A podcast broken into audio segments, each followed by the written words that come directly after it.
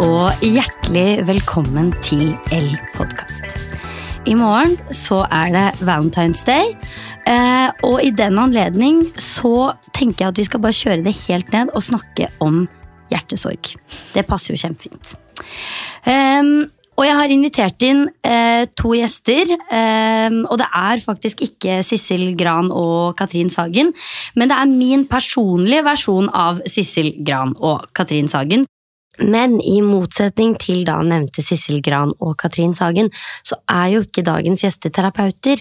I alle fall ikke på papiret, men jeg tør påstå at de likevel kan ha terapeutisk effekt. Emilie Nicolas gjennom sin vakre, melankolske, sjelsettende, nydelige musikk.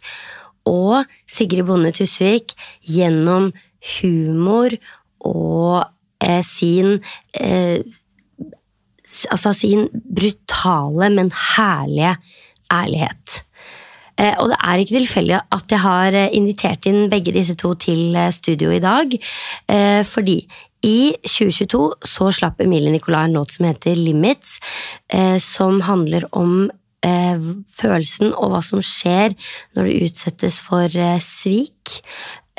Og den følelsen av at du ikke helt lenger klarer å skjønne hva som er sant og ikke. Eh, og da jeg møtte Emilies manager Silje Larsen Borgan eh, kort tid etter den låta hadde kommet ut, så snakket vi om den, og da fortalte Silje meg at eh, nå skal jeg fortelle deg en ting som ikke så mange vet, og det er at den låten skrev Emilie om Sigrid Bonde Tusvik. Og, som en reaksjon på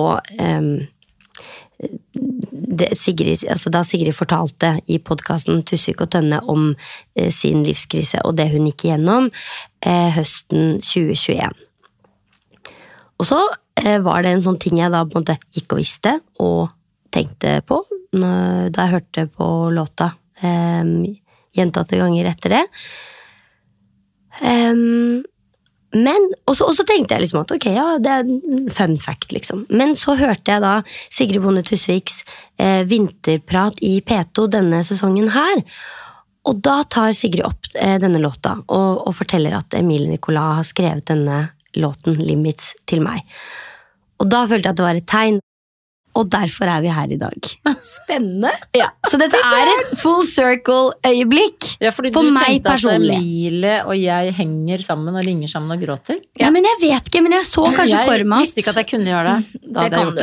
ja, det kan du nå. Ja. Jeg har ikke nummeret hennes. Ja, det, det, må fikses. Det skal du få av meg med en eneste gang. Um, så derfor er vi her nå. Uh, for å snakke om uh, limits og kjærlighetssorg. Eh, fra som sagt, min personlige Sissel Gran og Katrin Sagen. Hvem er hvem? Ja, det er litt. Du er Sissel, for du er uh, kort hår. Ja, det, ja, og du har jo litt sånn Katrin-krøller. Katrin ja. Ja, Det er hyggelig, da. Ok, så uh, Vi må jo da på en måte begynne på begynnelsen, ikke den jævlig lange begynnelsen jeg hadde. Uh, hadde.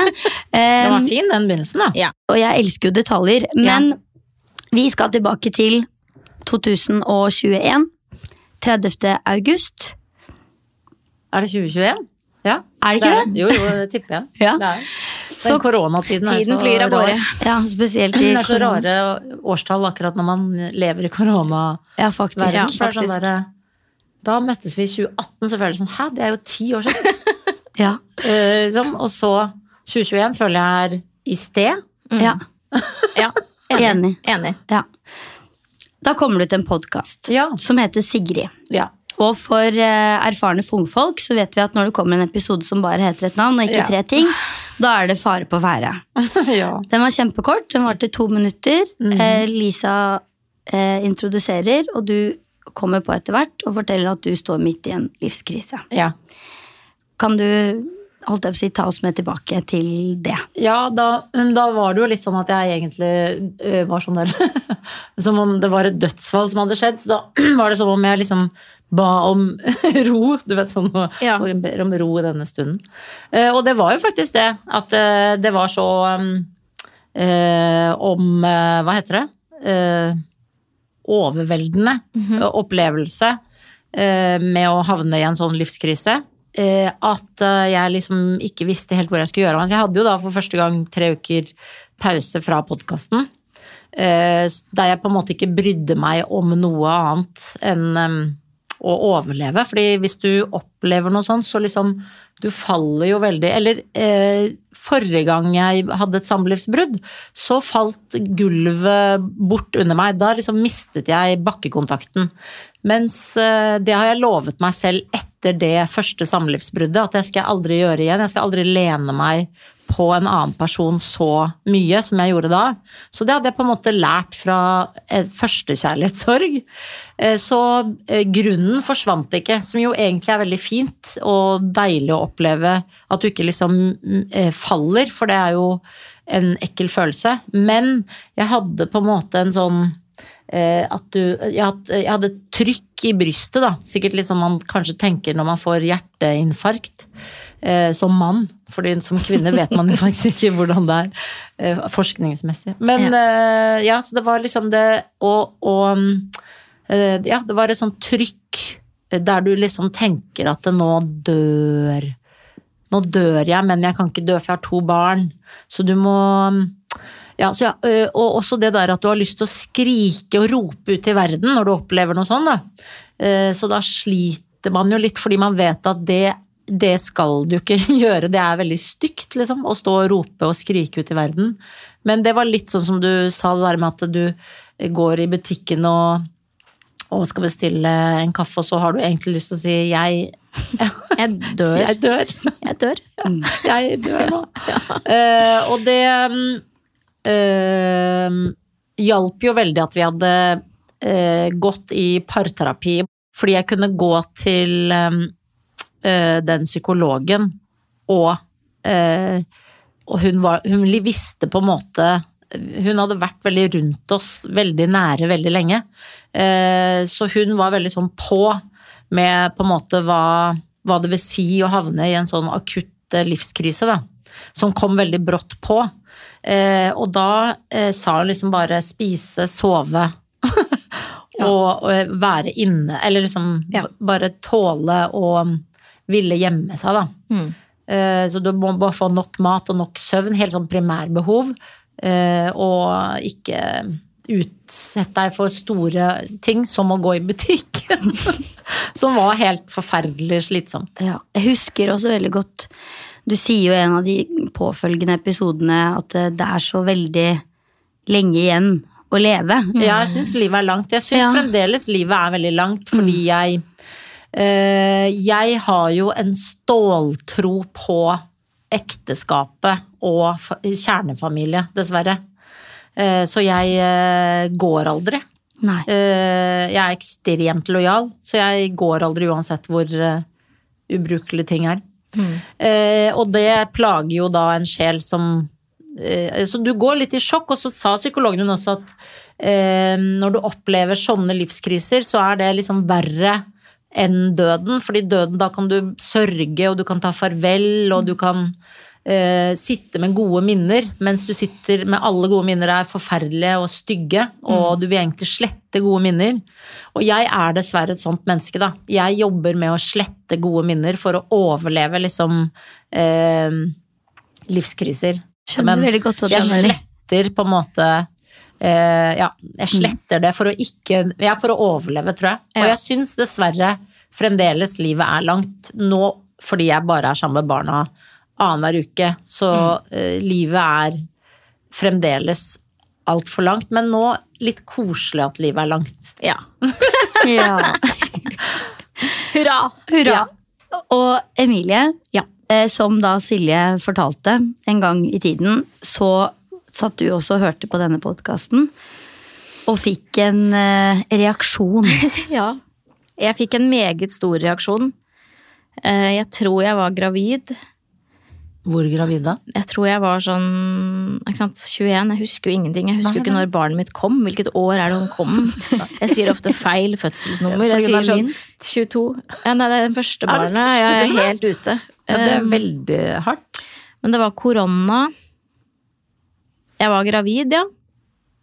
August. Vent da, Når var det podkasten din kom ut? Slutten av august. Ja, Ja, fødte det, husker du hvilken? Jeg husker at jeg fødte i oktober. Ja, ikke sant? Da, da var du ganske, jeg var ganske på gravid, toppen. Da. ja. Men jeg endte opp med å bli sint på Herbert, som er eh, verdens beste mann, Ja. på grunn av Sigrids situasjon. Så jeg, jeg tror jeg gråt masse på dine vegne. Jeg lå på eget rom, altså på barnerommet som vi hadde stelt i stand. For jeg orket ikke å ligge inne på rommet med Herbert. Dette er liksom sånn, Jeg vet ikke om det stemmer helt, men jeg var sint på han. Jeg var sint på alle menn. Å, det er fint. Eh, ja, ja, på en måte. Jeg tror ikke Herbert Han var litt sånn eh, Jeg har ikke gjort noe. Eh, men jeg sa men du kommer til. Ja. Det kommer til å skje. Tenk, det var liksom min Ja, sånn ja. tankegang der og da. Bare sånn, Hvis det skjer med dere, ja, men da skjer det med alle. Da, så når skal du gjøre det? Kan Mm. du time det opp, sånn at jeg vet eh, ja. Forberedt. Jeg er forberedt, ja. Men det er jo morsomt i, etterpå å se hvor sint jeg var på han. Eh, og eh, ja. eh, det var jo helt urettferdig. Men eh, Jeg tror veldig mange menn fikk dessverre tror de kjeft, kjeft, ja. etter dette. Det ekle med det er jo Ja. at eh, uansett Det er jo det jeg, jeg har opplevd utroskap også, og eh, ble helt kokeliko av det. Eh, og det er på en måte det som er dumt og trist, er at man eh, det skjer med Det kan skje Det, det er ikke sånn skremselsgreie, sånn, det kan skje med hvem som helst, men det kan skje selv om du er en kul dame, liksom. Ja. Selv om du er en kul type å være med.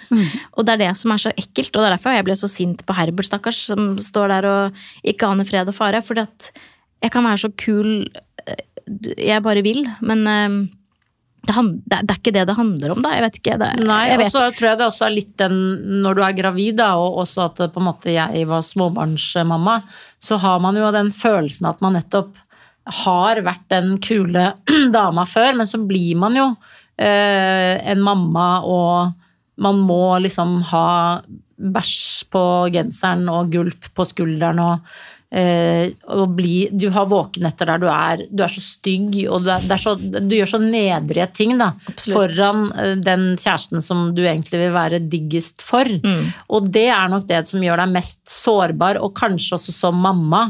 Fordi babyene og de små er jo det, nettopp det at de går mot mamma og er overalt, og så prøver du også å kose med kjæresten din og være kosete, selv om du liksom har kos, kos, kos, kos, kos eh, døgnet rundt. Og også elskoven din flytter seg jo dessverre når du får barn. Jeg vet ikke om du har merket det, Emilie, men du, du får da to barn som du på en måte elsker på en annen måte enn mannen din. Fordi du må elske de. Liksom du, du går i krigen for barn, da. ja. Eh, Så det er en sånn indre styrke som, som sikkert også er veldig ødeleggende for forhold, men som jeg mener eh, alle vet om. Eh, og det er jo Du det tar deg synes på jeg er føttene hele tiden. Vedflørter Rune. Ja. Så det er jo Alle vet jo at småbarnslivet er det mest usexy du kan havne i. Eh, og og eh, en romantisk middag når du har barnevakt, barnevakt, er dessverre ikke så romantisk som det var før du hadde barn, fordi du vet du skal liksom hjem, og du skal stå opp, ja. og livet bare raser, Raser av gårde. Og du vet ikke med de små barna om det blir en bra mandag eller fin søndag eller Eller om det er kastet opp overalt. Ja, så det er, det er på en måte den derre eh, dritten, da. Og um, eh, i min vennegjeng, altså vi er jo en veldig stor vennegjeng eh, der mange ikke har barn. Så det også kan jo kanskje være litt vanskelig når man har en liksom partygjeng der, eh, der folk liksom Men du har jo fortsatt med det, har du ikke det? Jo da, jeg Du inviterer jo min gjeng Ja. hjem og fester til sju om morgenen og står opp halv åtte. Fordi jeg elsker å gjøre det, da. Ja. Men da planlegger jeg jo veldig inni hodet mitt, liksom. Ja. At nå skal jeg være sliten, eller nå skal jeg Ja. spille fele. Sur fele, og så, og så skal jeg stå opp om tre timer. Ja. Og rydde. Men tilbake til eh, Ikke sant, du er gravid, du flytter deg inn på eh, eh, dette barnerommet. Eh, og så etter hvert så skriver du en låt. Hva, hva, hva, hva skjedde? her? Hva skjedde her? Nei, det er jo sikkert masse hormoner, da, som Sigrid sier. Jeg tenkte jo ikke på at det sikkert bidro med den store reaksjonen min.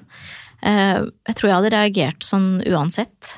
Men helt sikkert fordi jeg var gravid og første barn, og redd, sikkert veldig redd for hva det vil gjøre med et parforhold.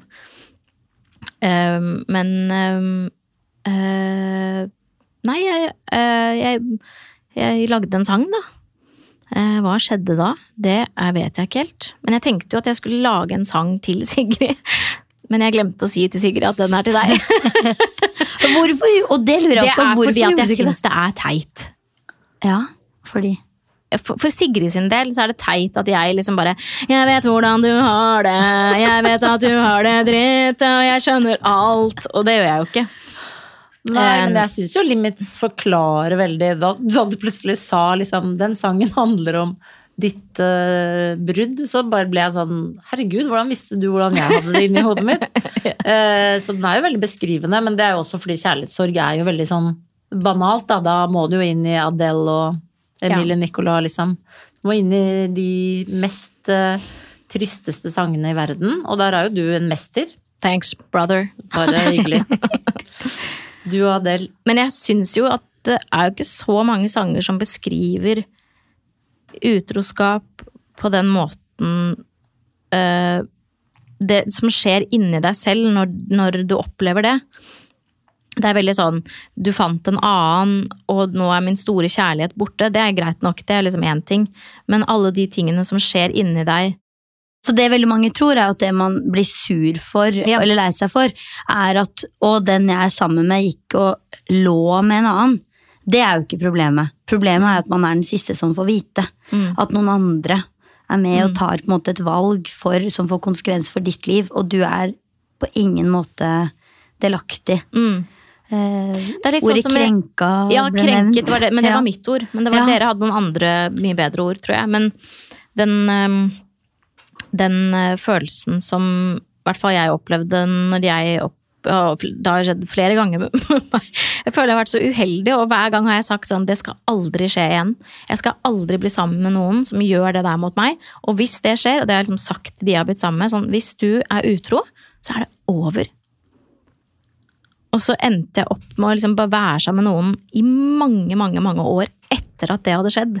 Og bare leve i den derre driten i liksom eh, mange år, da. Og blir man ikke da veldig Gal? stress? Ja, fordi jeg tenker sånn hvis øhm, Hvis man lever i det, så hadde jeg liksom vært stressa hver gang den personen gikk ut av døra. Ja, på en måte. det Altså, blir jo litt sånn. Ja, Og så altså- blir man kontrollerende, og Det man blir og er- en person man ikke eh, sett, tenker at man skal bli. Mm. Så det er jo egentlig bare en jævlig dårlig idé. Og så blir man litt klamrete. Det, Man blir bare alt den Man blir ikke den kule damen man egentlig er. ja, og og, du være- er plutselig ikke fri lenger, da. Selv om du tenker 100% Da kan jeg gjøre hva jeg vil også. Så føler jeg at man eh, kanskje ikke er det, da. Nei. Så det forholdet jeg er i nå, er det første forholdet hvor jeg stoler 100% på han på ekte. Og han stoler 100% på meg. Og den friheten jeg har, er liksom bare sånn gigantisk. Og det er så utrolig deilig. Og tenk at jeg fikk oppleve det! Og ikke bare være en sånn eh, gæren person. Men føler du deg ikke litt skada av Nei, det det, de tidligere litt- forholdene der du på en måte I starten var vi kanskje litt eh, sånn. Um, liksom vente på at den derre Du vet den Jeg vet ikke om alle har det sånn, men jeg har det sånn at, uh, at jeg kjenner at liksom blodet Alt blodet går til magen. Når du liksom I det øyeblikket du finner ut av det, sannheten, på en måte. Eller at noen har Blir du iskald, eller? Ja, det er som at uh, du bare fjong, Ja. og så bare koink. Mm. Og så Den følelsen der er jo den jeg prøver å beskrive i den sangen også. er bare den derre den der, du, du, du, du, Det er helt forferdelig følelse. Og den tror jeg jeg lette etter i starten eh, med min nåværende kjæreste. At jeg var sånn Der er det! Se hva du har gjort! Og så var det sånn det, Nei. Det Så kommer bare ikke. ok. ja, men, eh, men eh, sikkert er jeg litt sånn at jeg venter på at liksom Jeg, er ikke, jeg tror ikke at livet er liksom tipp topp hele tiden. Jeg venter jo sikkert på at et eller annet grusomt skal skje. Men det må du vel kanskje nettopp fordi du lager de sangene du lager, at uh, uh, Fantasien gjør- må være Ja. veldig Hvis det hadde vært helt sånn Ja. Go lucky-jente som bare hoppet av, Glede. glippet av gårde. Så det er jo fint at man um, forbereder seg på det verste. Det tenker jeg jo Ja. alltid er smart. Det Ja. prøver jeg alltid å si til mine gravide venninner. Husk at barnet inni magen kan dø, sier jeg liksom med en gang de er gravide.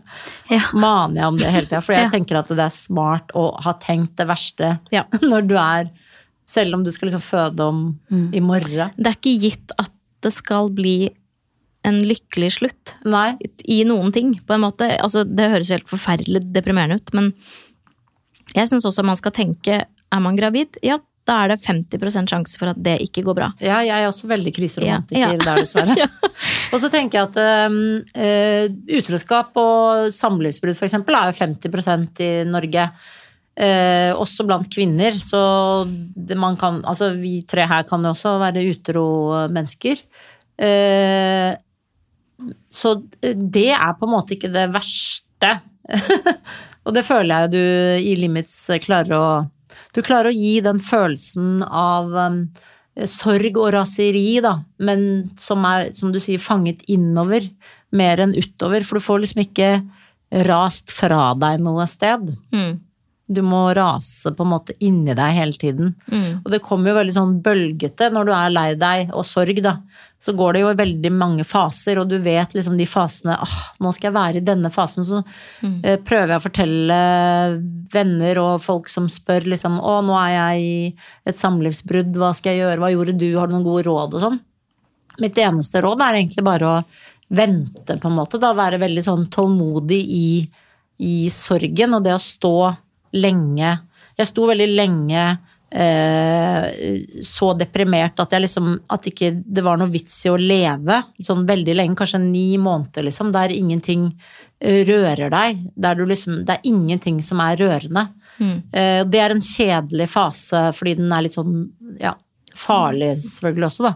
Fordi du har lyst til å bli påkjørt av en buss. Du, det, ingenting betyr noe. Mm. Eh, ikke barna dine og ingen glede, liksom. Og du kan gjøre fantastiske ting, men du er helt flat. Eh, men eh, da tenker jeg jo at eh, det er jo nettopp det at du står i det, da, og vet At du lærer deg på en måte at dette dette går over, må bare vente, vente, vente. Og prate, prate, prate er jo på en måte det som Ja. hjelper, da. Eh, så jeg gjør jo alle sånne råd som alle sier sånn, husk å si ting høyt. Mm. Det tenker jeg er smart, da. Ja. At du ringer venner og går til masse psykologer. ja. Snakk, snakk, snakk. Snakk, snakk, snakk. Liksom, snakk deg helt tom. Og etter hvert så skjønner du liksom mens du snakker om det Å ja, nå er det ikke så eh, viktig for meg å snakke om det. Mm. Det. Sorgen flytter seg jo, da. Og så er det jo det, det For det er jo den som alle sier sånn Ja, men, men det kommer til å gå bra. Er jo sånn som sånn trøstende, gode, bekymrede venner sier. Det kommer til å gå bra. Og så vet man jo, fordi liksom livet har jo herja før, at ja, ja, jeg vet jo det sånn den rasjonelle eh, delen av meg vet jo at Jeg husker jeg var kjempelei meg for dette. Det er jeg jo ikke lei meg for lenger. Så teknisk sett så kan jeg forstå at det kommer til å bli sånn. Så det trenger jeg egentlig ikke eller sånn, det er sånn, ja, men det trenger du ikke å si. Det er liksom overflødig. Det forstår jeg selv. Men det er som du sier, den der, det er en veldig kjedelig fase. Det er en veldig sånn utålmodig, rastløs fase hvor man egentlig har mest lyst til å ja, enten bli påkjørt eller bare eh, legges i koma. Ja, veldig. Og bare er sånn, kan jeg bare våkne opp når det her er ferdig? Fordi den delen her orker jeg. Og den der følelsen av at idet en sånn bombe går av, da, på en måte, at man blir sånn I hvert fall hvis man har vært gjennom det før, at man blir sånn Å nei! Det som kommer nå, det Mm. orker jeg ikke. Det er så langt. Det er så lenge. Ja. Ja. Ja. Og det er da livet er veldig langt, da. Ja, Ja. da er livet fryktelig langt. Jeg husker at jeg, når jeg oppdaget med den en av, eller den siste gangen det var noe sånn eh, skikkelig mm, problemer Hva heter det for utroskap, heter det. Da eh, ble jeg liksom syk. Altså, jeg endte opp på legevakten. Fordi jeg hadde ikke sovet på eh, bare tilbake til det du sa med spise og sove. Mm. For da spiste jeg ikke, og så sov jeg ikke på natten. Så jeg, jeg tror faktisk at jeg satt og rugget på gulvet. Altså, jeg tror jeg ble liksom gal. Ja, man blir det. Jeg ble gal. Og så dro jeg på legevakten med han som, som hadde vært utro med meg. For jeg hadde ingen andre enn han til å være lei meg med. Mm. Så han ble liksom med meg på legevakten.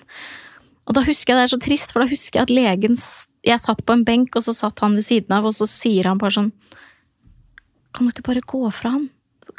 Liksom, Legen sier det til dere to. Legen på legevakten bare Slutt, liksom. Eller nå må du slå opp. Ja. Bare kom deg vekk. Eller sånn øh, tips, liksom. Bare. Og så fikk jeg en del valium og ting og tang, da. Og sovetabletter. Så ble jeg hentet av moren og faren min med tilhenger, for da bodde jeg i Trondheim. Ble hentet med tilhenger og satt med kosedyret mitt som jeg har hatt siden jeg var null år gammel. Sånn her, i baksetet. Mamma Klamret pappa klamret meg fast. Litt høy på valium. Kjørte hjem til Oslo, og så lå jeg bare i sengen hjemme hos mamma og pappa i jeg tror det var sånn fem måneder. Åh. Og bare gikk ned, tog, lagde kaffe, snuste masse, spiste ingenting og tok sånn sovetabletter. Bare passet ut sånn plank.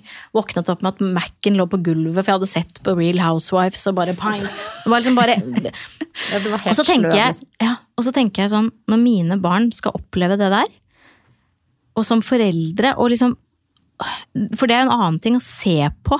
Mm. At noen bare Jeg var liksom så langt unna å få bachelor i eh, sang, og nå bare, nå bare nå, opp? ja, nå, vitt, nå bare forsvinner hun inn i en sånn derre eh, Det er helt jævlig. Men se på meg nå! Se på deg nå! Se på på meg nå! nå. Men eh, eh, jeg tror at eh, eh, fikk du bachelor i sang til slutt? Ja, jeg gjorde det. Å, det bra. Ja, jeg dro opp med, med den Bamsen. Med, nei, med eh, han som eh, jeg var sammen med, da. Nei, men gud. Og spilte konsert for, eh, sammen med han, da. Ja. Ja, Slitsomt. Men Det eh, er selvskader på den måten. absolutt. Men øh, øh, det er jo sånn livet er, dessverre. Altså, eh, og det er som du sier, når man blir forelder, så er det litt sånn hardt å tenke på hvordan skal jeg løse det. Faktisk senest i går så ble jo da lille Jens dumpet av sin kjæreste som han hadde vært Nei. sammen med siden han var tre år i barnehagen. Og hvor gammel er han nå? Han er sju, og han Oi, det er et langt inn- forhold. Ja, det er langt forhold. Og så, så, sa han så, så sa jeg sånn, er du som meg som, som uh, blir sint, men får lyst til å gjemme deg?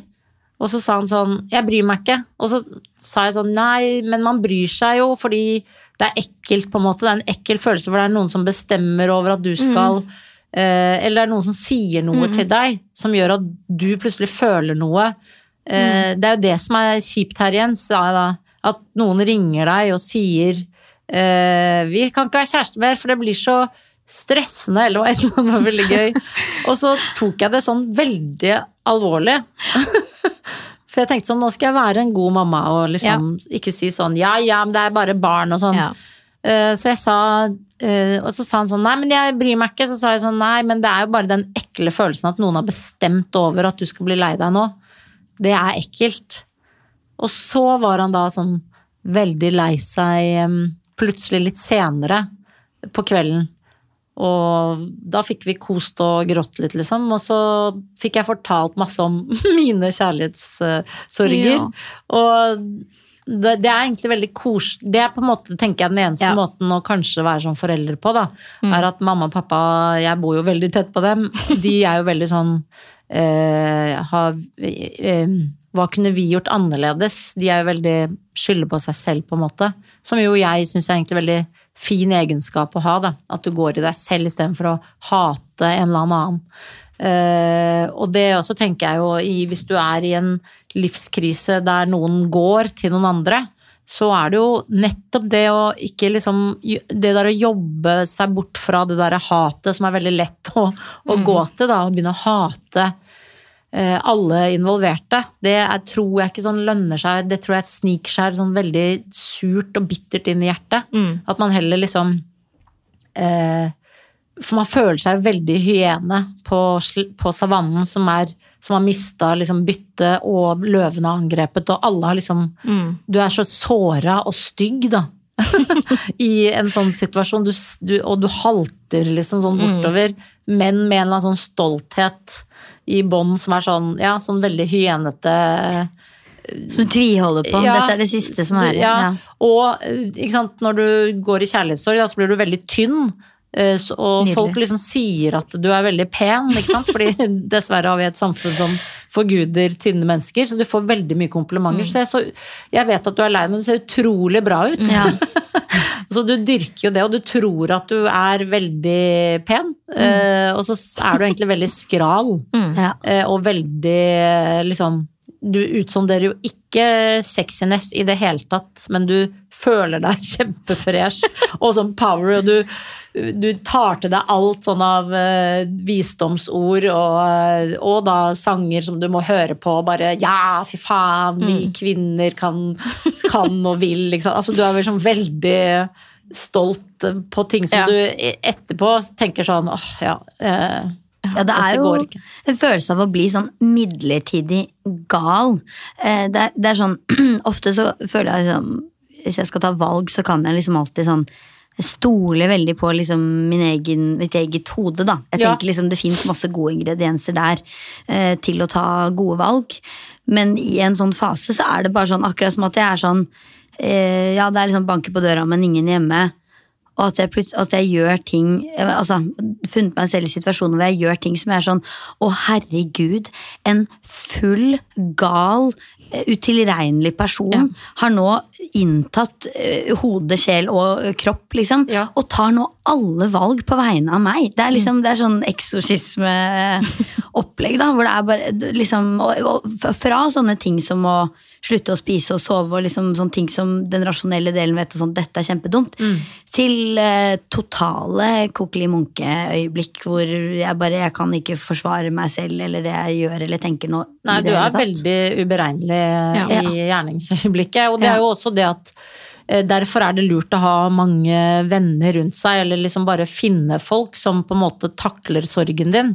Eh, eh, Jonas Bergland, for eksempel, som eh, jeg på en måte klamret meg veldig fast, eh, og som hadde tid til å høre på alt eh, ja, alt jeg liksom sa, og se disse franske filmene som varte i sånn tre og en halv time, som jeg måtte se. Wow, veldig se- sofistikerte jeg sånn, Kan jeg komme hjem til deg og se en tre og en halv times lang fransk film?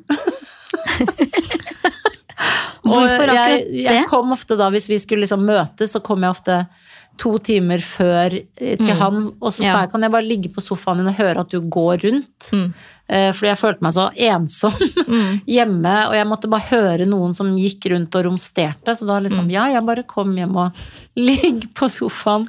Eh, Så tente han i peisen og Altså, det er jo fantastisk. Ja, det- Venner i kjærlighetssorg fortjener jo en, altså Det burde finnes et eget stipend, eller pris, for eh, gode venner i kjærlighetssorg. Ja, altså kanskje de vennene du ikke liksom alltid henger med når det går bra, på en måte da. Altså du, du har venner som plutselig kan sorg eh, på en annen måte.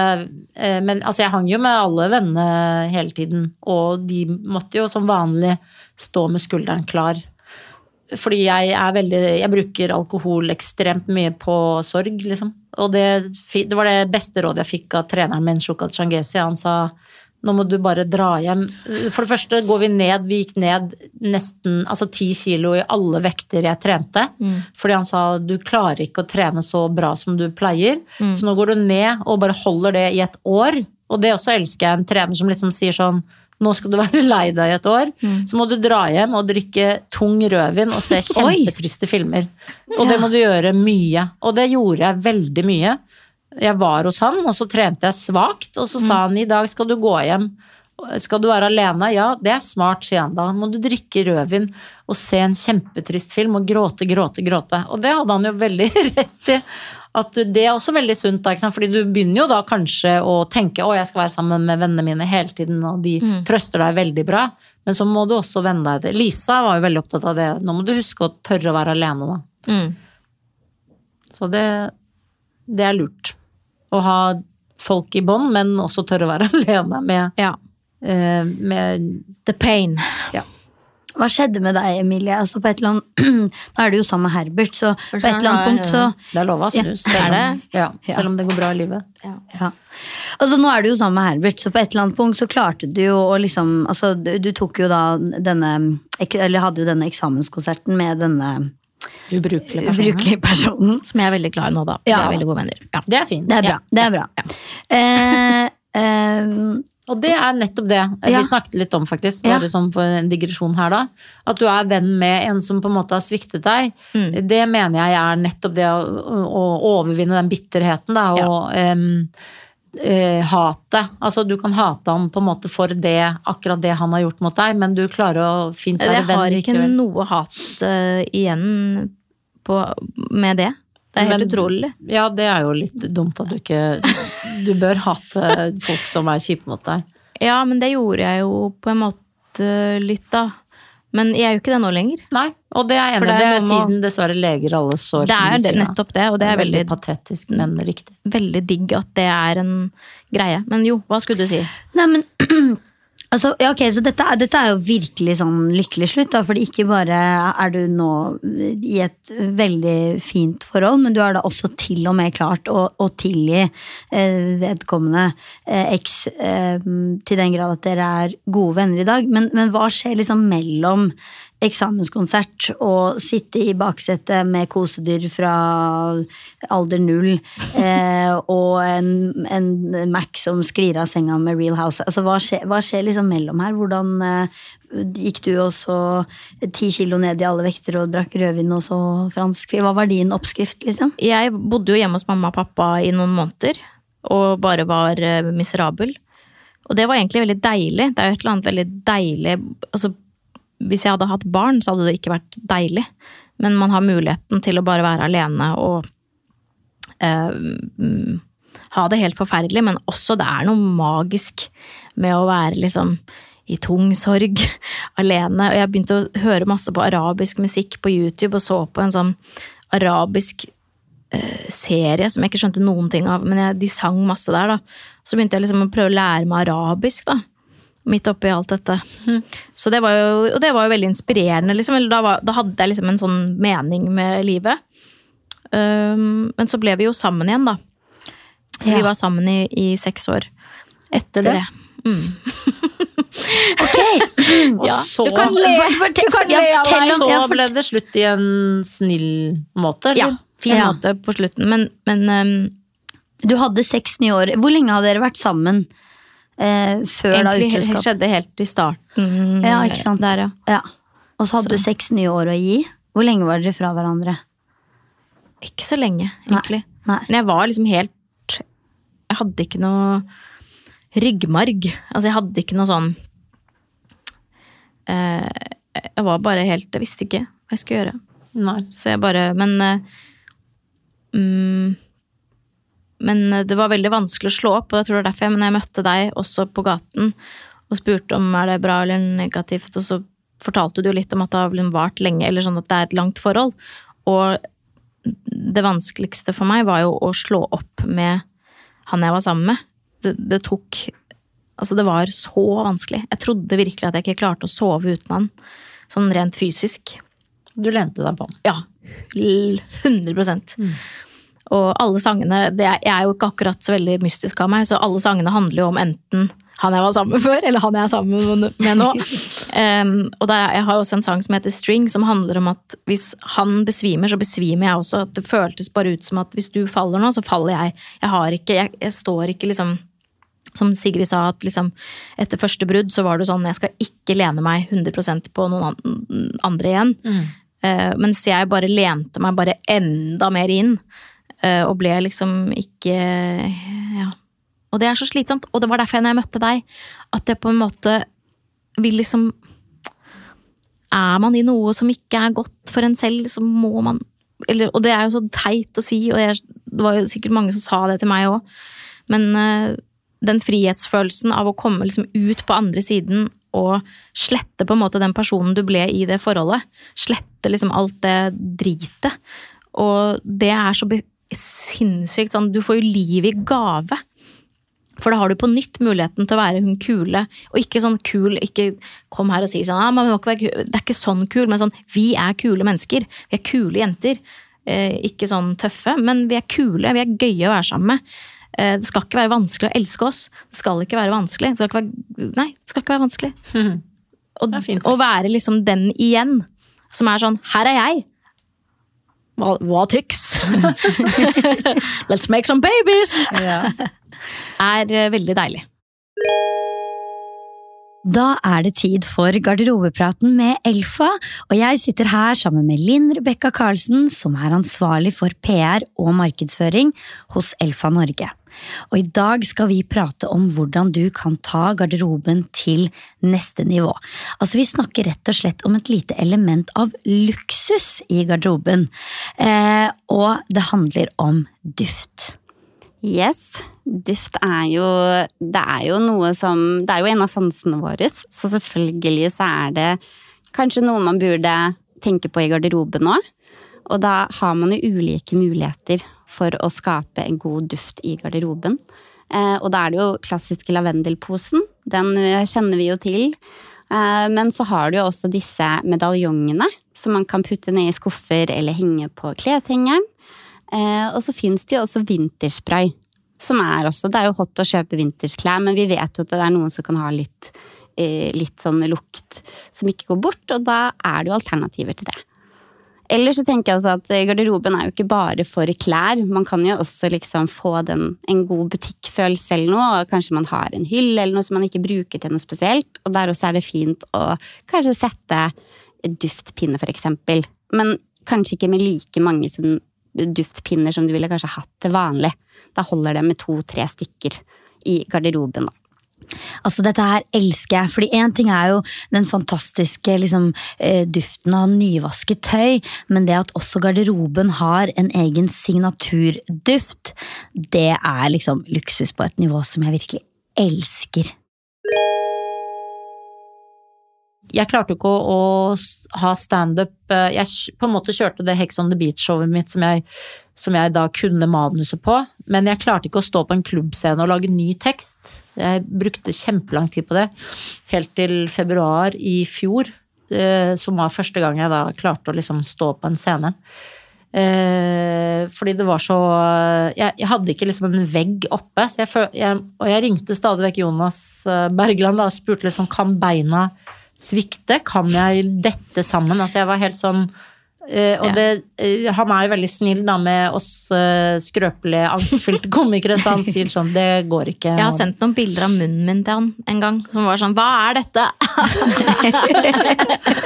og, men det er veldig fint å ha han, og at han skjønner Han er jo selv et angstfylt menneske, så han skjønner jo at du trenger bare at han sier du kan ikke falle sammen. Men jeg merket liksom Jeg lette etter den der veggen da, da jeg kunne stå på mm. en scene igjen.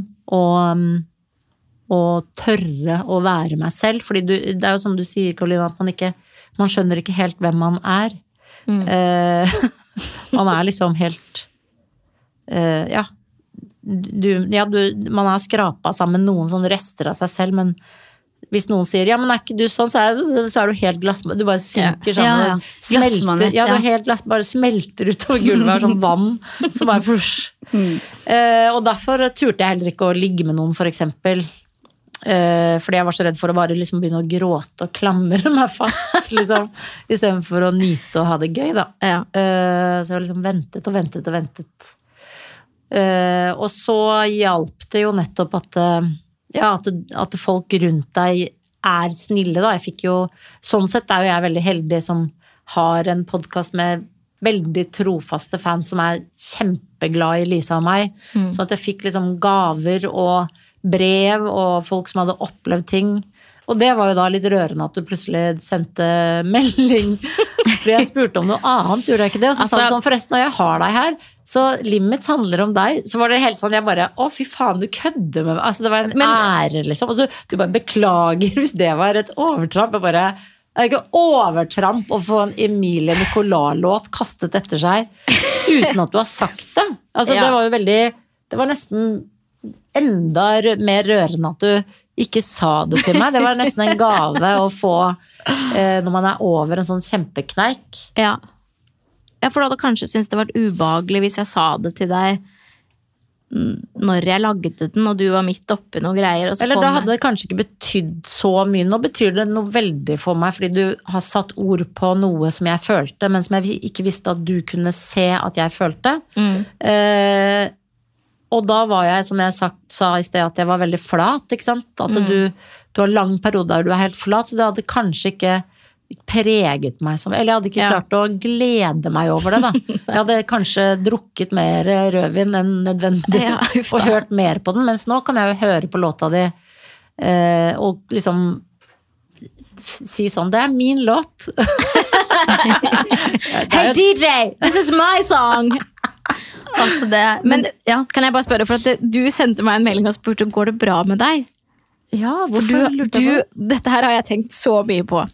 Eh, Jeg har en sånn sort ting på fingeren som jeg tenker at dette er det Sigrid sikter til. Fordi du sa til meg Går det bra med deg? Er du syk?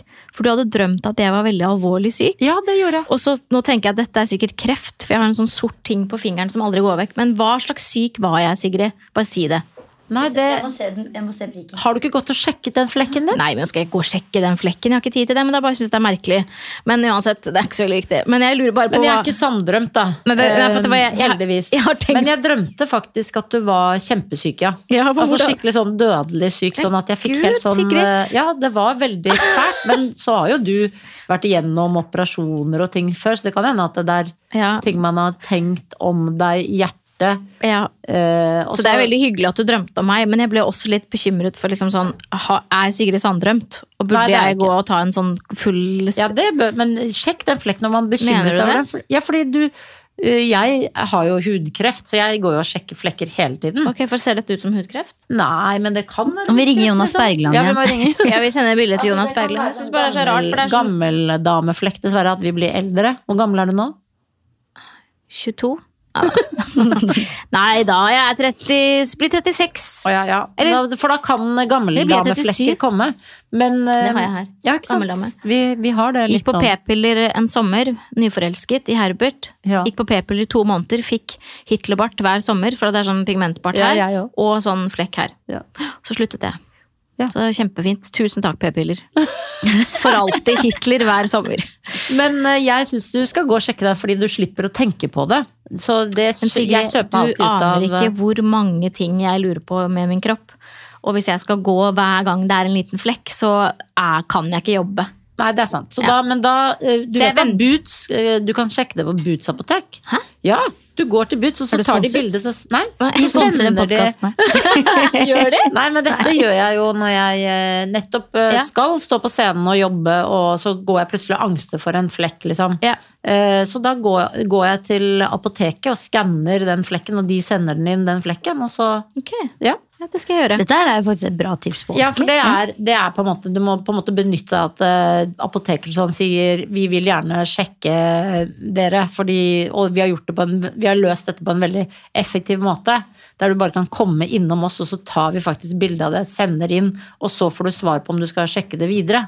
Ja. Det, og i det du får svar eh, jeg, det er ikke noe å bekymre seg for, så kan du bekymre deg for andre ting på kroppen din. Ja? Så det er jo alltid noe å bekymre seg for som kvinne, dessverre. Oh. Eh, og det irriterer meg jo også. Og det er kanskje derfor man også blir eh, oppfattet som bitter, fordi man, man som kvinne og er lei seg, ser liksom bitrere ut og sintere ut. I hvert fall som feminist. At man er sint på mannen, men, men uh, verden er jo faktisk sånn at uh, du må få lov til å sørge Ja. selv, Uh, selv om du er feminist og generelt sint på patriarkatet. Hei! Eh, kan jeg stille dere et spørsmål som kanskje må klippes bort, selv om jeg vet at du er sånn eh, egentlig mot klipping, Sigrid? Hva er, altså i dette Kokkeli Munke-tilstanden eh, og den hudløse, desperate tilstanden, eh, er det noen som har lyst til å svare på hva det mest Kokkeli Munkete dere har gjort i kjærlighetssorg er?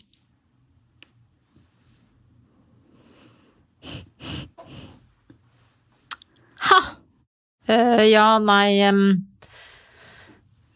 uh, Jeg vet ikke om jeg, um, jeg Jeg prøver å ikke være sånn, da.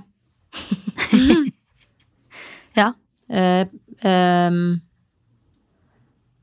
men eh, altså det mest uh, koklemunkete jeg eh, og Lisa gjorde, var jo på en måte at jeg ikke leverte tilbake Balenciaga-klærne, men ga det til Thomas Stamnes, som er en tidligere ja. eh, En legende eks-rusbruker og en legende i podkasten til Tusvik og Tønne, Ja. og som bor i Drammen, og som vi da ga klær til 30 000 kroner til. Eh, og filmet det og brukte det i tiårsjubileet. Eh, som jeg jo Som det var en middag på Chocolat der eh, Kyrre og Lisa og jeg sitter og drikker hardt Fernet og snakker om kjærlighetssorg og, og at jeg har disse klærne som jeg på en måte mm, har tatt ikke, altså med vilje ikke levert tilbake som hevn. Mm. Eh, fordi eh, jeg vet at de har en affeksjonsverdi.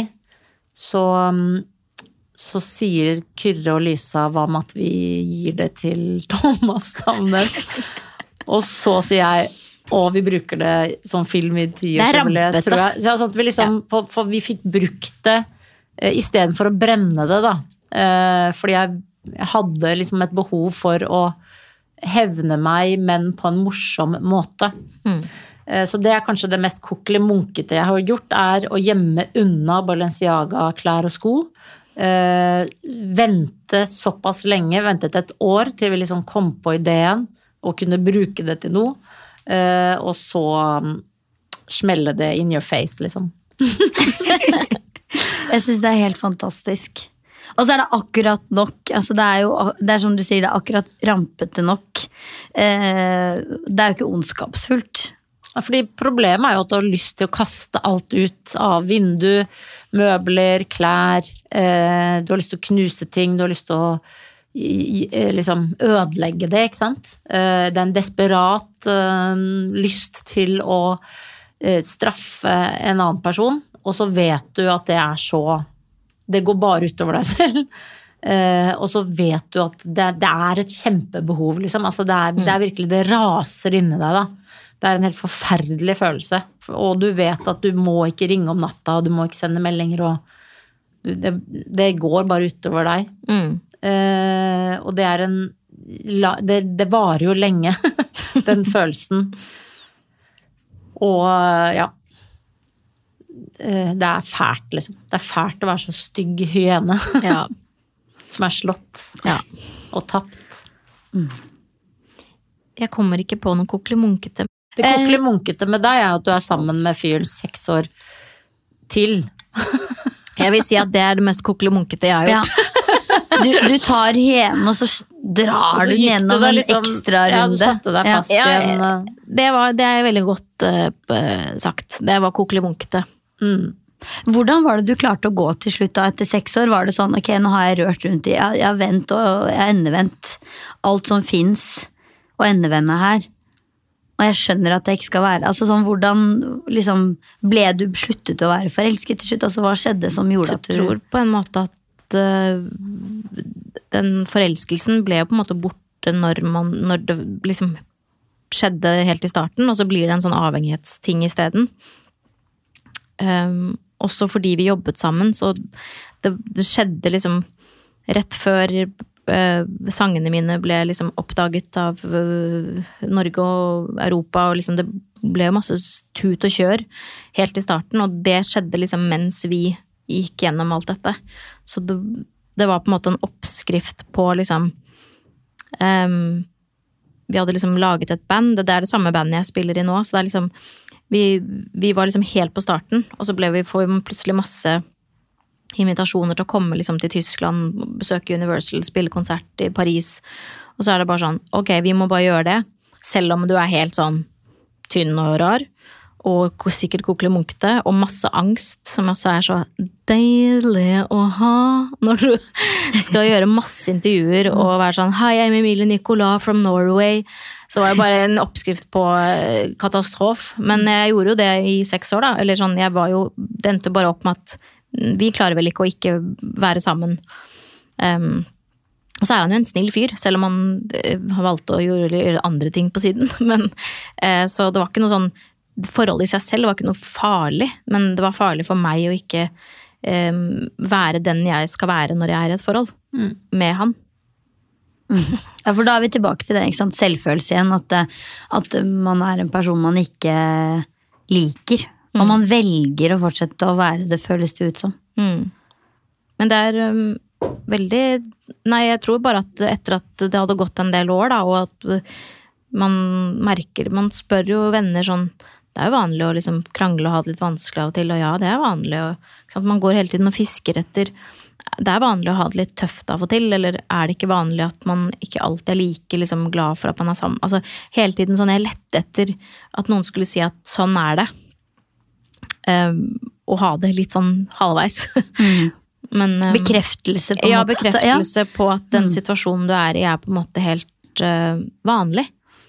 Mm, og mamma og pappa er veldig sånn herre herregud, ikke tenk på Du må ikke, ikke la det, det Utroskap, det skjer med hvem som helst. Liksom, de var veldig sånn sobre på det, på en måte. Mm. Så jeg ble veldig sånn ja, ok, da, da, da takler vi det. Har ikke du fransk far, da? Ah, oui. Ja, Ja, ikke sant? Da er det ikke Altså, faren din er Du vet, uh, kjærlighet, det er masse Det er mange forskjellige mennesker. Det er Ja, jeg vet ikke. Det er jo sett på som veldig svakt hvis du ikke er utro i Frankrike. Ja. Da er du liksom et veldig uattraktivt menneske. Så, Ja, du må ha en elsker. ja, du, Ja, du må ha noen elskere, liksom. Ja. L'amour. Men, Så det- eh, ja.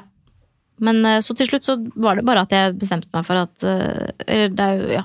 At man går og vurderer hele tiden. Det er veldig slitsomt. Og det skal jeg ikke gjøre igjen. Vurdere. Eller gå rundt og lure. Nei, nei til luring. Men det er vanskelig når man er i situasjonen. Og det er veldig lett for andre rundt å si og se hva som er riktig og galt, men det er veldig vanskelig å klare å gjøre det selv. Ja. Så da var det en ny runde med valium, da. Når jeg endelig ble singel. Ja. Det var tøffe, tøffe tak. Ja. Ja, og så er det jo litt det der, ja, ikke sant, sånn, sånn Altså Som vi pratet om i stad, hva er det verste med å, å oppdage da utroskap, eksempel?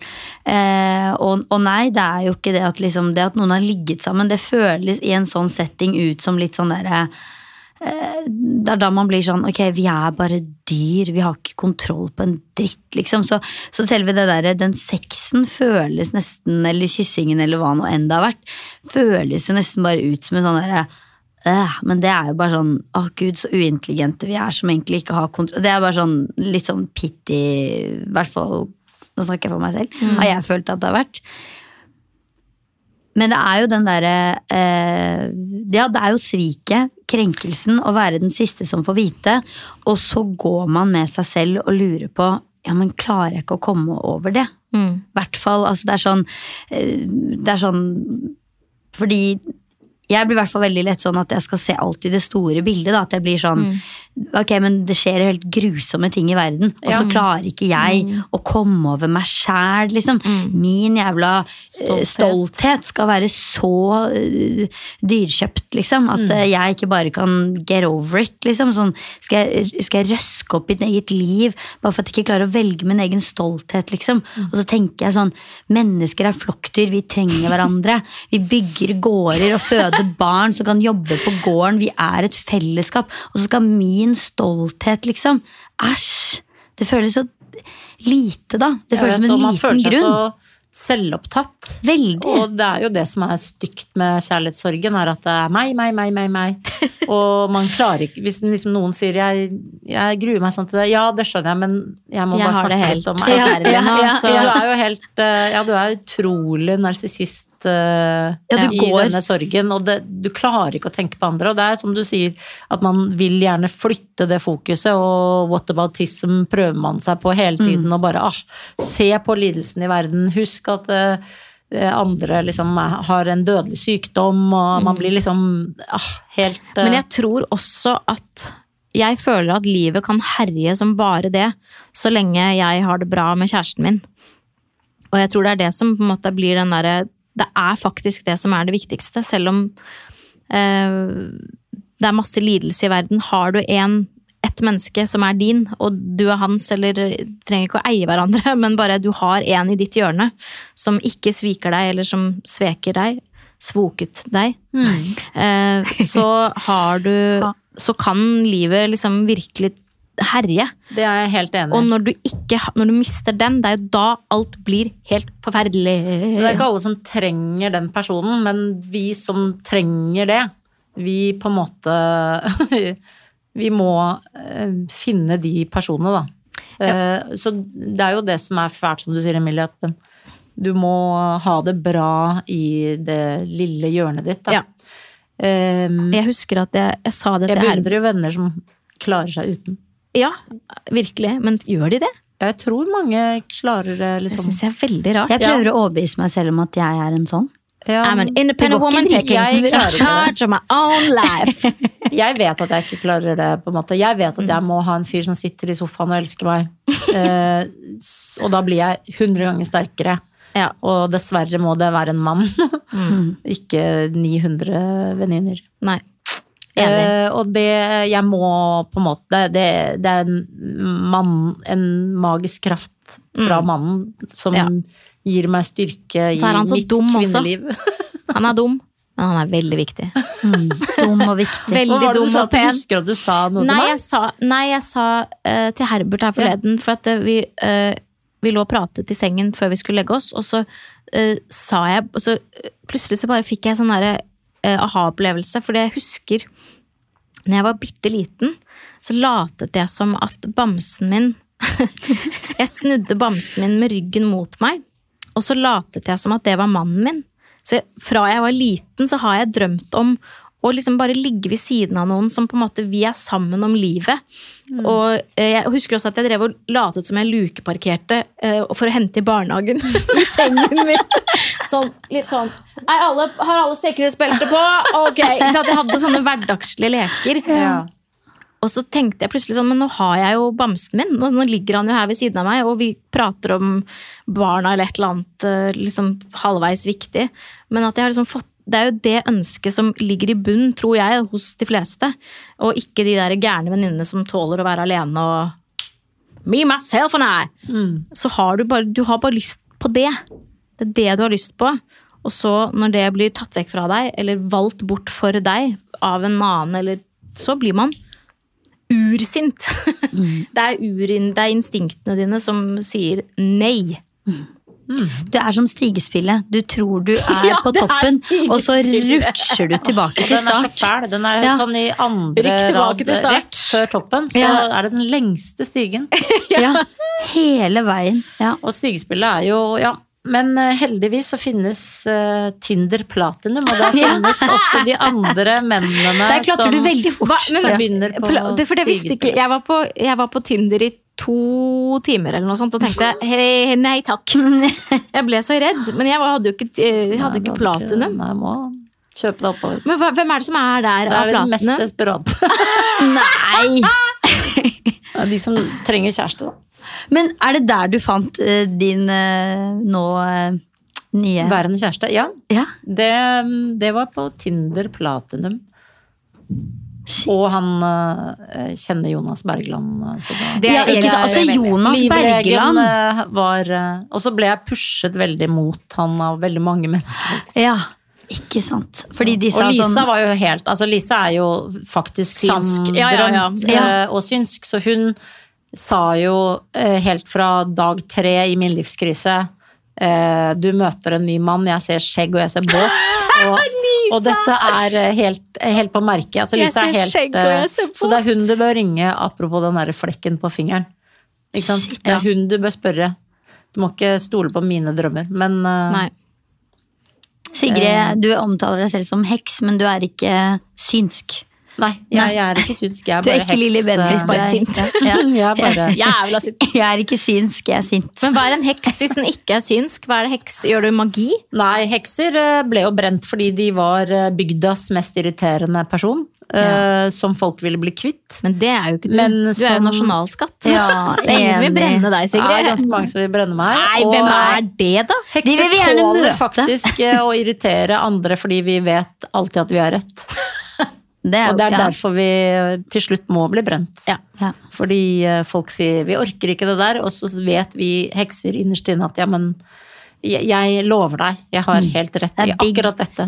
Big hex energy. Mm. Det er kjempevanskelige folk. Jeg og Emilie kan møte de folka som vil brenne deg og Det er ta dem. Ja, vi tar Ja, dem. Vi brenner vi de det. isteden. Ja. Det. Det går bra. Men ok, så, da, så du våger, liksom, hvor lang tid tok du før du kom deg på tid? Altså sånn, hvordan uh... Ja, nei, det var uh, Martha Leivestad og, um, og den uh, jævla morsom-gjengen som tvang meg på Tinder på det første jævla morsomme showet på Latter. Da Ja. så, her er du ikke på Tinder? Og så lagde de, sa de det og det bildet, og Shit. lagde de Tinderen min, da. Men uh, Men var du åpen, var du klar for å liksom bare sånn ja, for da hadde jeg um, holdt på med en fyr som ikke ville ha meg, og da gikk jeg på liksom en sånn Snork! skikkelig, skikkelig smell. Gikk du, på ja, helt, smell etter smell, ja. Ja, Det er jo den beste smellen. Det følte jeg meg altså så lite verdt. Tenkte faen heller, nå må jeg skjerpe Eller liksom, hva er det med meg? Ja, man tenker jo veldig sånn. Jeg er faktisk virkelig ikke verdt å elske. Det er, jeg er et forferdelig menneske. Det er ingen som vil ha meg. Eh, så da lønner det seg jo å Eller da er man jo så langt nede, at da kan man liksom være på Tinder, da. ja. Ja. ja. Og Men det gikk jo, jo faen så bra. Det gikk eh, veldig bra, faktisk. Ja. Herregud, det er så deilig. Jeg blir så glad. Åh. Men kjente du Men, men, men, da, men, da, men altså, var det en sånn derre Fordi altså, da hadde jo på en måte Lise allerede spådd skjegg og båt. Eh, skjønte du Tok det lang tid før du skjønte at denne personen bør jeg stole på og gi en sjanse? Uh, ja, jeg stoler jo alltid på veldig mange. Hele tiden. Jeg er veldig Ja. naiv der og gjør det med vilje. Er naiv. Ifølge Dikken, altså Benedicte Wessel Holst, min, en av mine beste venninner, så stiller jeg veldig lave krav til henne. Ja, ikke sant? og det er jo også fordi, eh, som jeg har sagt mange ganger, at jeg ikke trenger menn til så veldig mye, da. Mm. Eh, Så jeg har liksom ikke noe sånn eh, ja, behov for mannen annet enn noen små viktige primærting. Ja. Kjærlighet, omsorg, å bli sett og elsket. And a dick. Du da, Emilie. Hvordan, eh, du har jo beskrevet Herbert, i hvert fall i sånn kjærlighetssanger og sånn, som at du, du skjønte at han var uh, it. The one. Ja. You are the one. Um, jeg vet ikke hvorfor jeg gjør sånn hele tiden og synger Kjente Det- vi elsker at vi får Slitsomt. gratis Kjente du det på lukten? Liksom? At det var sånn urlukt?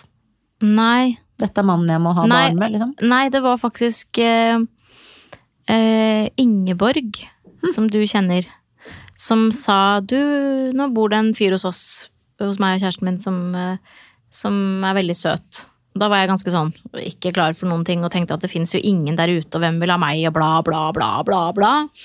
Og så så jeg bildet av han da på Google, og så så jeg et intervju han gjorde for en eller annen premiere, så tenkte jeg bare fy søren, så søt og kjekk og sjarmerende.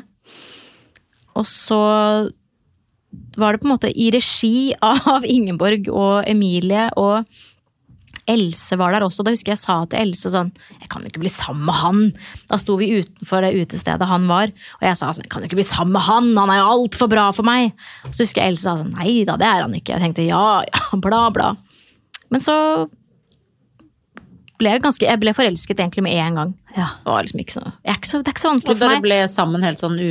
Nei, da vi ble- altså, vi Var det på- rotete i starten? Det var rotete, det var rotete veldig lenge, faktisk. Ja. For vi, eh, det, så det ble jo et helt album med kjærlighetssorg på nytt. Litt Oi. sånn som du sa om eh, at man eh, Dobbeltsmellen. Ja, den, den, den, den avvisningen du får etter at du har liksom tråkka deg gjennom Den er død.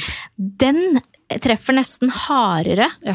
Enn det liksom Det faktiske Ja, det faktiske bruddet. Ja. Så du får en sånn eh, Og da tror jeg at jeg var Eller jeg vet at jeg var ganske ko-ko!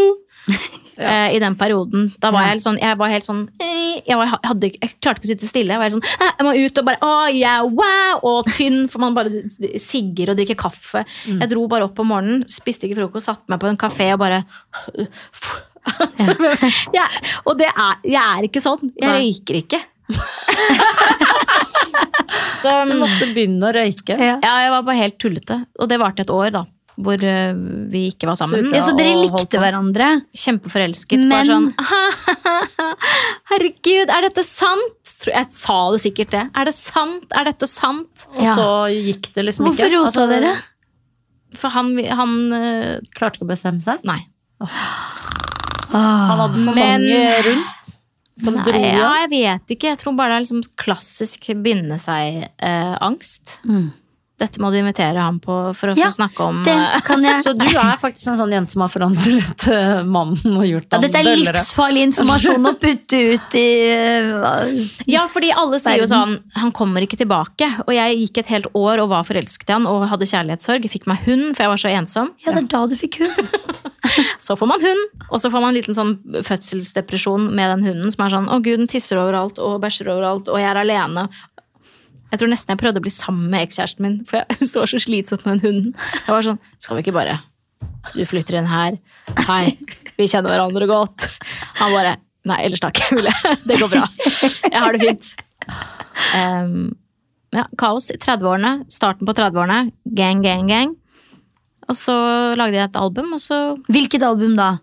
Tranquille mille. Ja, da Å, det er jo fant... Åh, Ja. ja. Så det handler jo om. Herbert, da, vet du. Mm. Kjærlighetssorg. Og så ringte han meg en dag og spurte om vi skulle ta en kaffe. Og jeg bare here we go again, liksom. Kan ikke bare knekke på døren og Nei. tro at du kan komme hit. Og så sier han vil du bli kjæresten min? Så hæ? Sier han det på kaffen? Ja. Åh. Så sier jeg du kan ikke komme her og komme her. Nei. Jeg er faktisk en veldig bra person, og du kan ikke bare gjøre sånn med meg. Og så gikk det to timer, og så ringte jeg han litt sånn ganske drita på sånn releasefest på min eget album. bare kan, 'Kan du komme hit?' Og så kli- klinte vi foran absolutt alle jeg kjenner, og alle vennene mine som var sånn 'Han er en dust'. Og så med en gang han kom, alle bare 'Hei, Herbert!' Å, det er gøy. Og det er det verste, fordi man har liksom fått med seg hele gjengen på å hate denne personen. Ja, Og da er det veldig vanskelig å være sånn Å ja, nei, den, den hatingen er avlyst. Vi hater Det ikke er derfor man skal være veldig forsiktig med sånn hva man sier om andres ekskjærester. Man skal bare Ja. si 'åh, veldig fin fyr'. mm. Mm. Sånn som vi har gjort sjukt mye av i den, den timen her nå. Ja. Jo, men eh, eh, Nei, man må tåle eksene sine, da. Ja.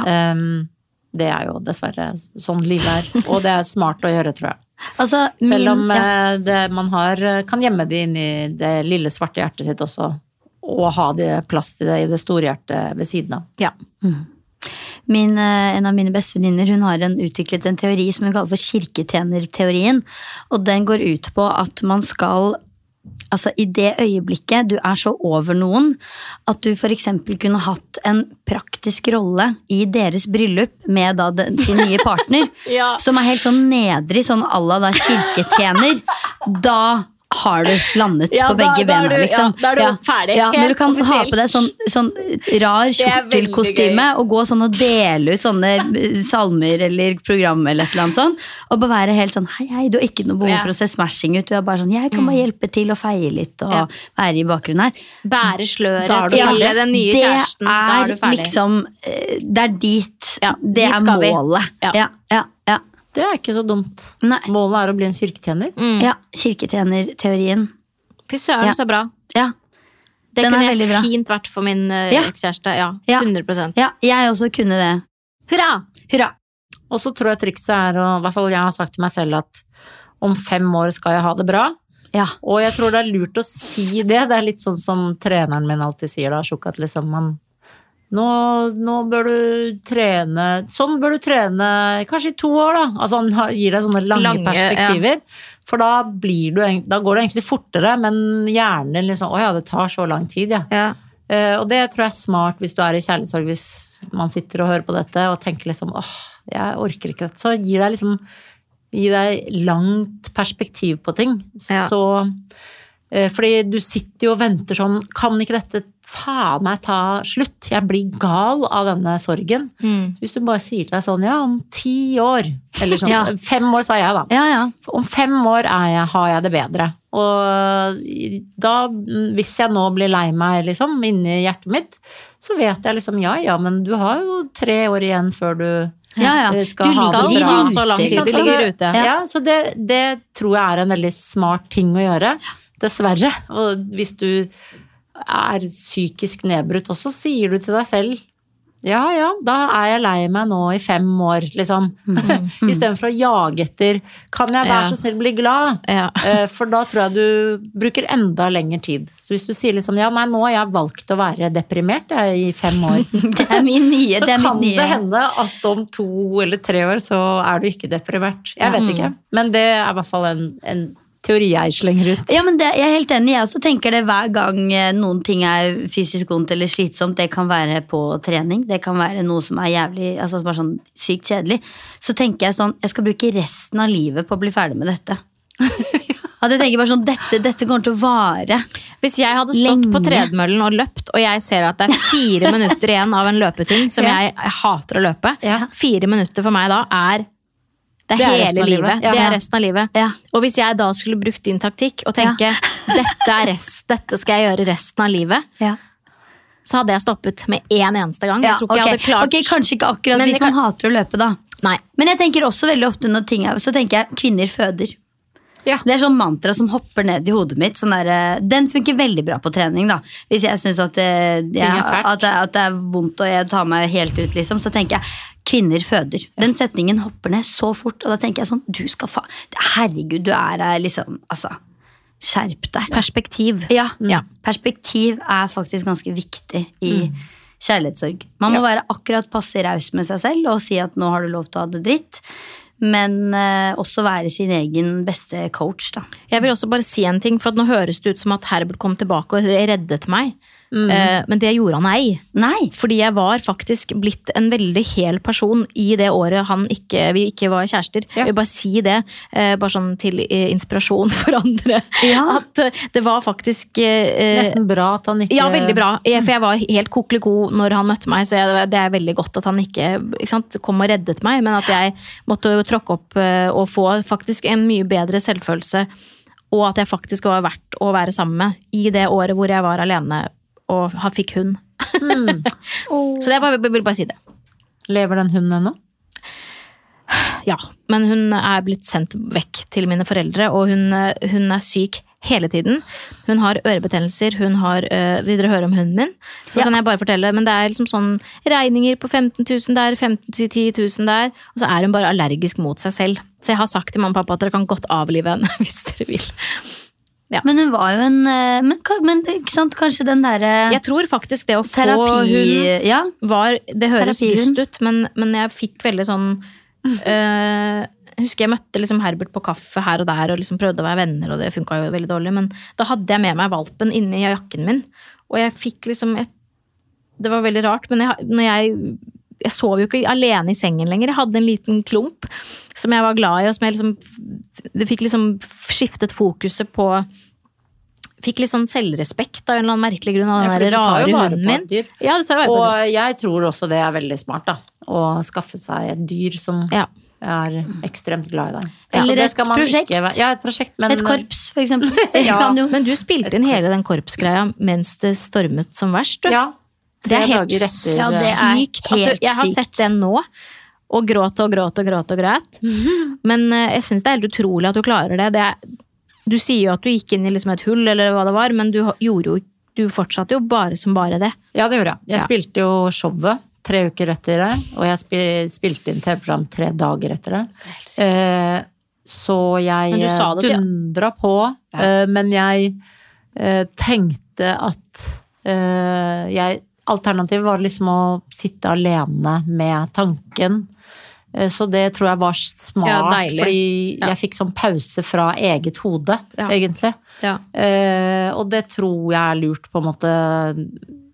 Fordi ja, man, man Kanskje noen sykmelder seg, men det tror jeg kanskje er feil å gjøre i sorg. Jeg tror du bør si fra til jobben din at 'jeg fungerer ikke, men jeg må være her'. Liksom. Fordi jeg tror at det er de som får deg videre, og de sier de kommer med sine banale ting i livet, og det tror jeg er veldig smart å gjøre eh, i alle livskriser, er å liksom tvinge seg ut og, og, og stå i det, selv om du da har veldig mye sånn knekk og gråter og er Ja. veldig ubrukelig og spak. Men det er jo fint, da. Det var sikkert veldig fint med de damene. Å bare kunne De var jo veldig, slo veldig ring om meg, da. Ja.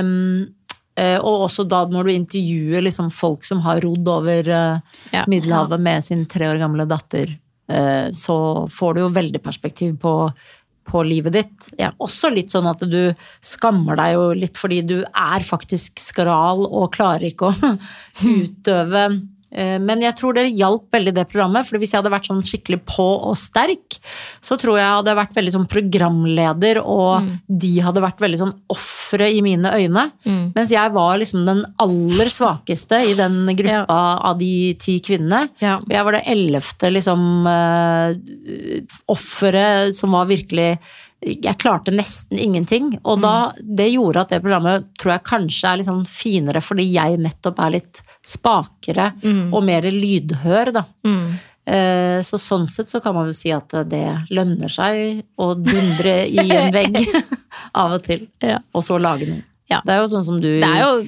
lagde det blir jo bra ting ut av det. album av Ja. eh, kjærlighetssorg. Det er veldig Det er helt topp, det. Helt topp. Ja. Ut og lage noe. Ut og lage noe, Ja. hva som helst. Mm. Kan godt være en snøhule.